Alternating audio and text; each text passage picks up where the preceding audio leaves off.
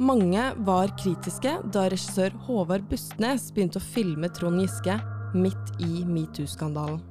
Arbeiderpartiet hadde mottatt flere varsler fra unge kvinner om seksuell trakassering, og Giske var lite unnskyldende i sitt forsøk på å renvaske seg.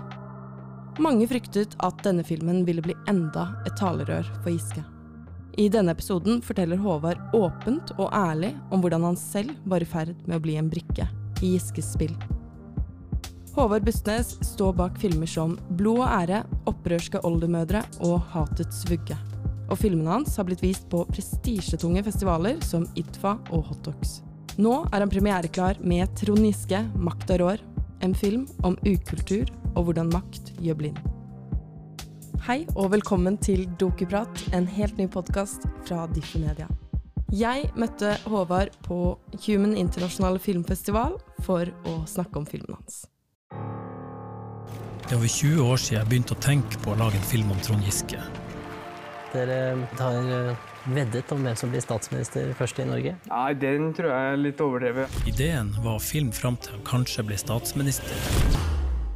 Kan du si noe om hvorfor du er med på denne filmen? Jeg vet ikke helt hvor mye jeg er med ennå, så vi må ha en diskusjon om det.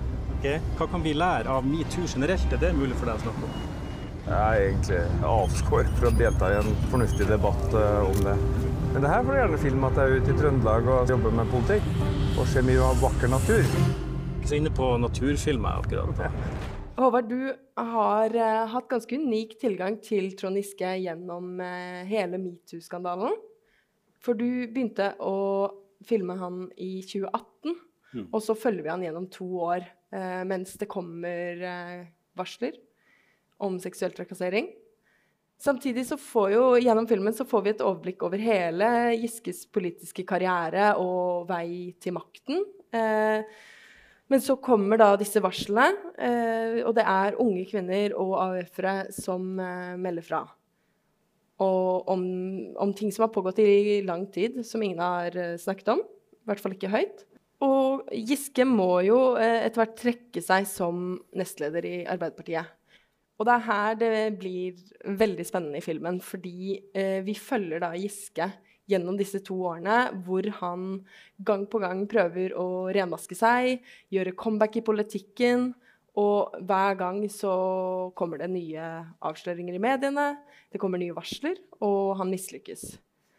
Eh, men så møter vi jo ikke bare Giske. Vi, vi, eh, det er også en rekke intervjuer med journalister, med varslere og eh, folk i kretsen rundt Giske og i Arbeiderpartiet. Eh, som bidrar til å gi et sånt helhetsbilde av hva som faktisk skjedde. For dette er jo noe vi har lest masse om i mediene. Eh, men denne filmen gir på en måte OK, det var alt dette, og så får du det samlet opp. og, tilfører det noe ekstra. og det var jo også sånn da du begynte å filme han, så visste jo verken du eller noen rundt slags, hvilket utfall det ville bli. Eh, og han eh, var jo en spådd statsministerkandidat, egentlig. Eh, og mange ville nok trodd at Giske kom til å gå seirende ut av det her. Så, så, Ja. Og så kom det varsler på varsler. Men hva var eh, din motivasjon da du gikk inn i prosjektet første gang? Og, og hvordan presenterte du det for Giske? Mm. Så når jeg starta opptakene til Trond Giske Maktarår, så trodde jeg for det første at han, for Jeg begynte første opptak i august 2018, så det var faktisk etter at han har gått av som nestleder. Eh, og jeg tenkte at nok en gang er jeg for seint ute. Alt har skjedd. Vi får bruke litt arkivklipp, og så følger jeg han frem til han har gjort comeback. trodde Jeg Jeg trodde han skulle klare å gjøre comeback, eh, og var overbevist om det. Og jeg trodde også kanskje han kunne klare å bli statsminister igjen. Uh, så jeg ble jo med da. Jeg var jo veldig fascinert. Altså, litt av utgangspunktet mitt var at jeg var nysgjerrig på hva det er som gjør at folk tolker Giske-saken så forskjellig. Fordi at I Trøndelag så er det jo sånn at når jeg var med han rundt med campingvogna, så møter jo han stort sett bare støttespillere. Og, og, det er mange, altså. Veldig mange. I filmen så møter vi noen, men det er ekstremt mange som kommer bort til han og sier å, bare stå i stormen her, og du kommer tilbake, og du er vår mann, osv. Eh, men så har du da de andre som mener at han eh, har utsatt som, som, mener at han har misbrukt makta si på det groveste. Eh, og de her sitter på den samme informasjonen. De har lest de samme avisene, sett de samme TV-reportasjene. Så man tolker den informasjonen på helt motsatt måte. Det var egentlig det som var utgangspunktet mitt. Mm. Men, jeg, men, jeg, var også veldig fascinert av Giske.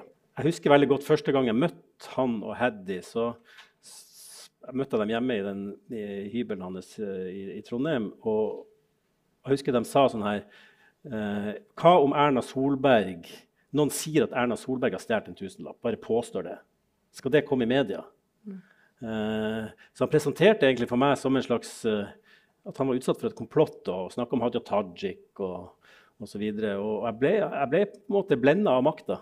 Mm. Jeg ble litt sånn starstuck. og og jeg var med han og trodde, begynte å tro på han. Så jeg tror jeg ble en del av hans uh, rett og slett en del av uh, hans forsøk på å gjøre comeback. Jeg tror jeg blir brukt i det comebacket.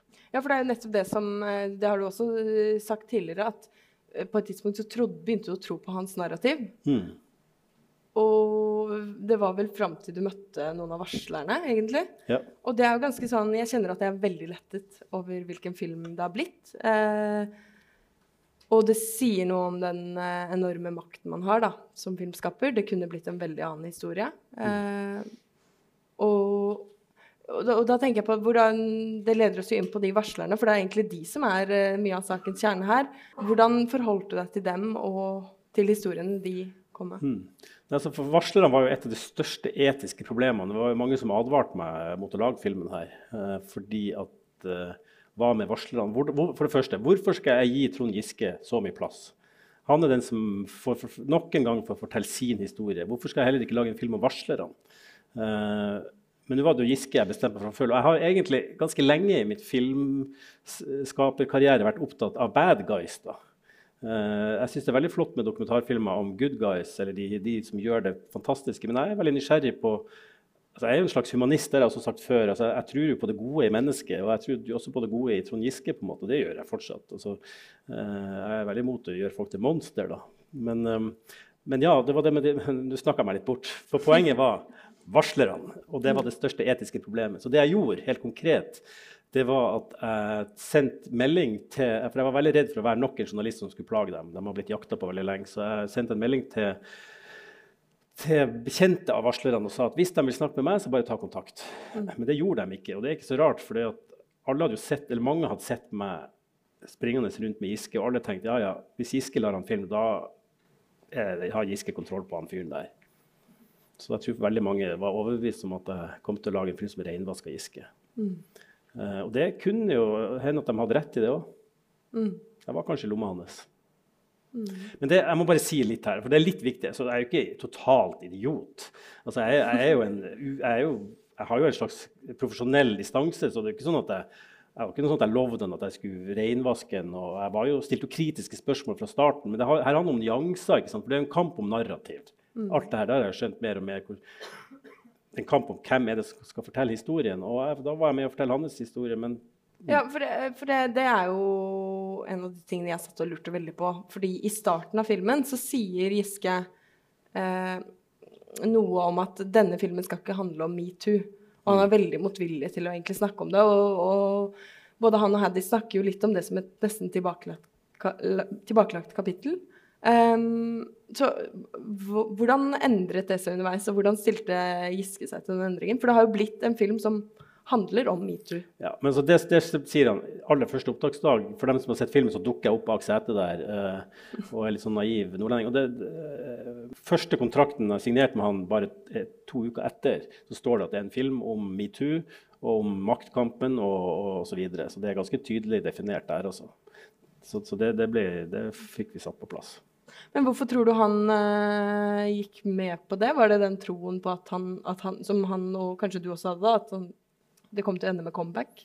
Ja, altså, jeg tror han, altså det er ingen som er med, Alle vi som lager dokumentarer, her vet at de vi lager film om, de har en egeninteresse i å være med på et eller annet vis. Hvis ikke så stiller man ikke opp.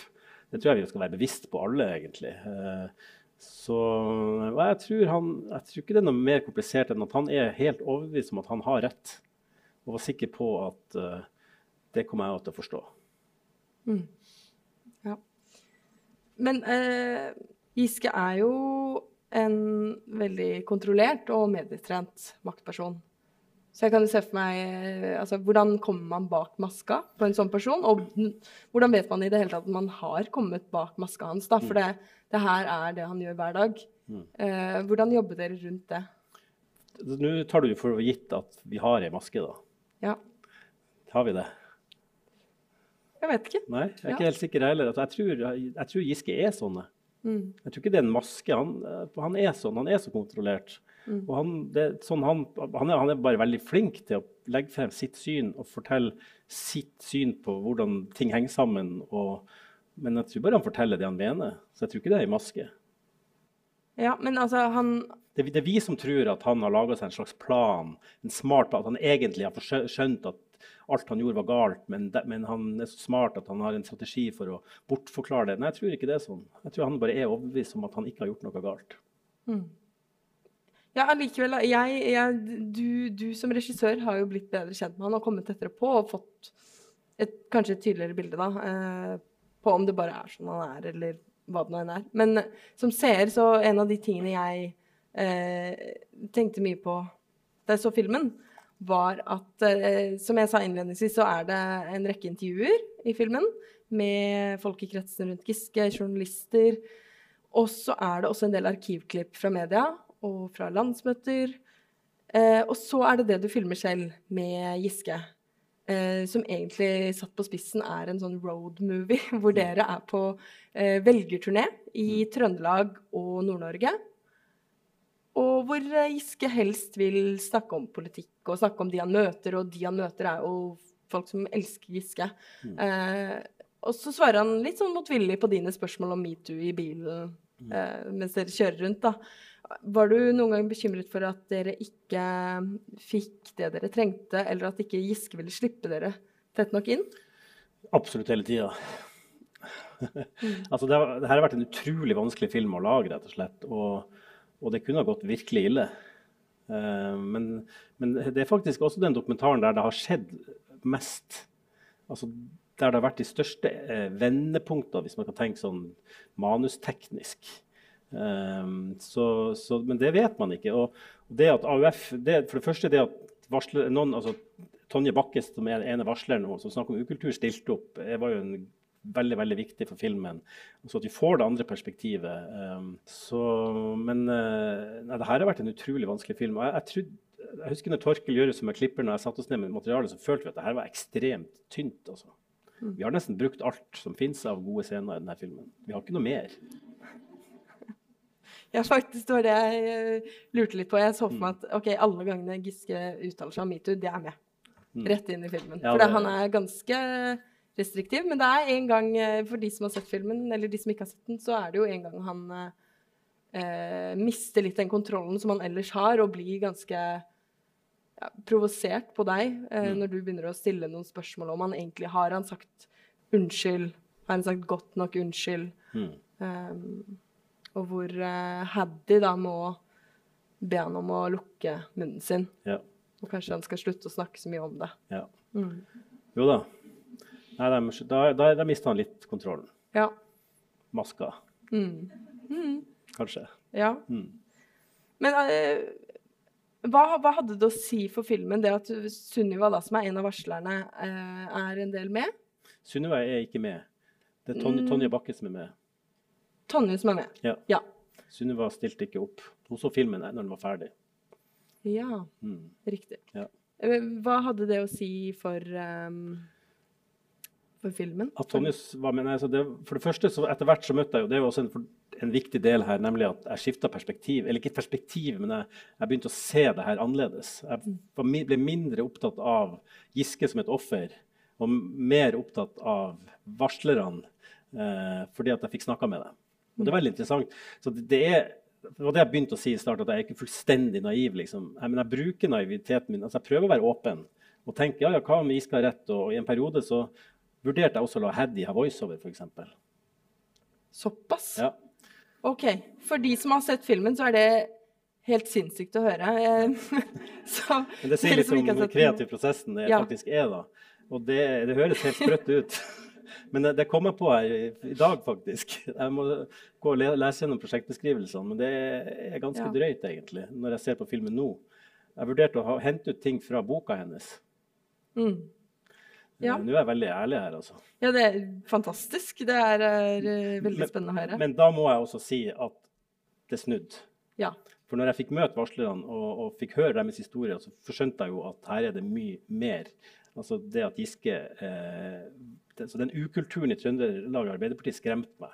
Ja. Eh, fordi at jeg fikk høre helt konkrete historier om unge jenter som har blitt jakta på, regelrett på fester i Arbeiderpartisammenheng. Eh, menn som har stått utenfor, i en kjeller der det er toalett på en, en, en pub i Trondheim. Så det jakta på dem, antasta dem fysisk der i kjelleren. Da ble jeg veldig sjokkert. Eh, seksualiserte drikkeleker med 16-åringer og 50 menn på 50 år. Eh, og plutselig så ble det en helt annen film for meg. Mm. Ja, og det, eh, det trekkes jo også fram i filmen. At eh, det, i starten, når disse varslene kommer i media, så er det jo en del i, i kretsen rundt Giske som prøver å, å vinkle det her som en Oslo-greie. Eh, at alle disse varslene og avsløringene kommer bare fra Oslo. Og det tar jo ganske lang tid før det kommer noen fra Trøndelag, hvor Giske har kjempemye støtte. Eh, men, da, men det kommer etter hvert. Og da er det jo ikke bare mot, eh, mot Giske, det er jo mot en kultur som har oppstått der. Og som du nevner, det, det nevnes også i filmen, at det er da 16-åringer i AUF som eh, leker 'jeg har aldri på fest' med 50 år gamle mennesker i partiet, som jo er meget spesielt. Men eh, jeg, tenker, jeg tenker på litt tilbake til det med at han er en uh, medietrent person, men ikke bare det. Han er en kjempeprofilert maktperson. Og hvordan var det eh, Var det noen reell bekymring for om han kunne finne på å bare trekke seg fra prosjektet? Eh, stilte han noen krav?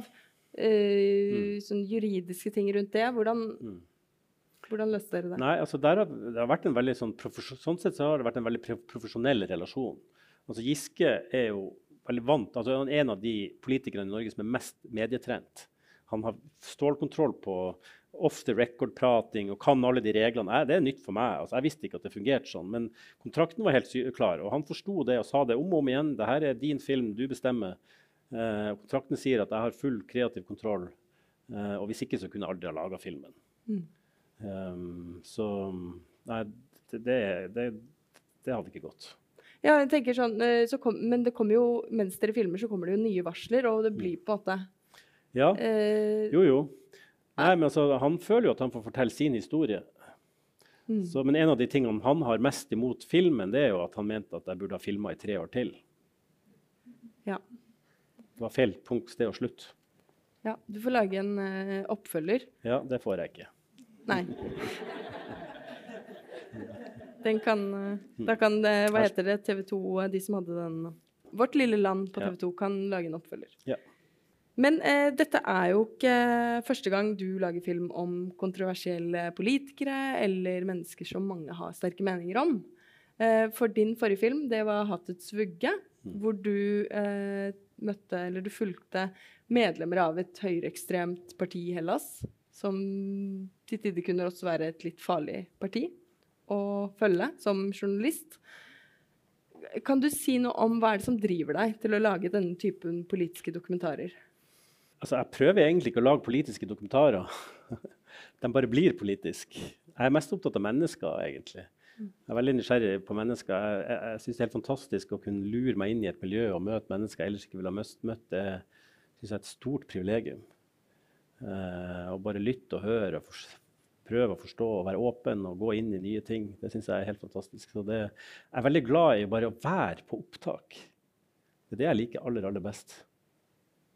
Syns du noen gang Du står i en del sånn konfrontasjoner, kanskje enda mer i Hatets vugge, men nå er det en stund jeg har sett den. Men også med Giske, den situasjonen vi snakket om i stad, når han blir eh, nesten litt sint Mm. på deg. Ja.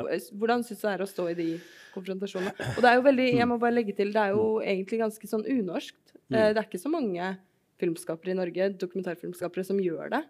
Vi har ganske få konfronterende filmer. Mm. Ja, vi er jo veldig sånn eh, I Norge så opplever jeg at vi er veldig konfliktsky, da. Uh, men det her er noe jeg liksom For det første, når du lager en film om altså jeg, 'Hatets vugge', da, den prøvde jeg å lage som en observerende dokumentar. Først, den første klippen var 100 observerende.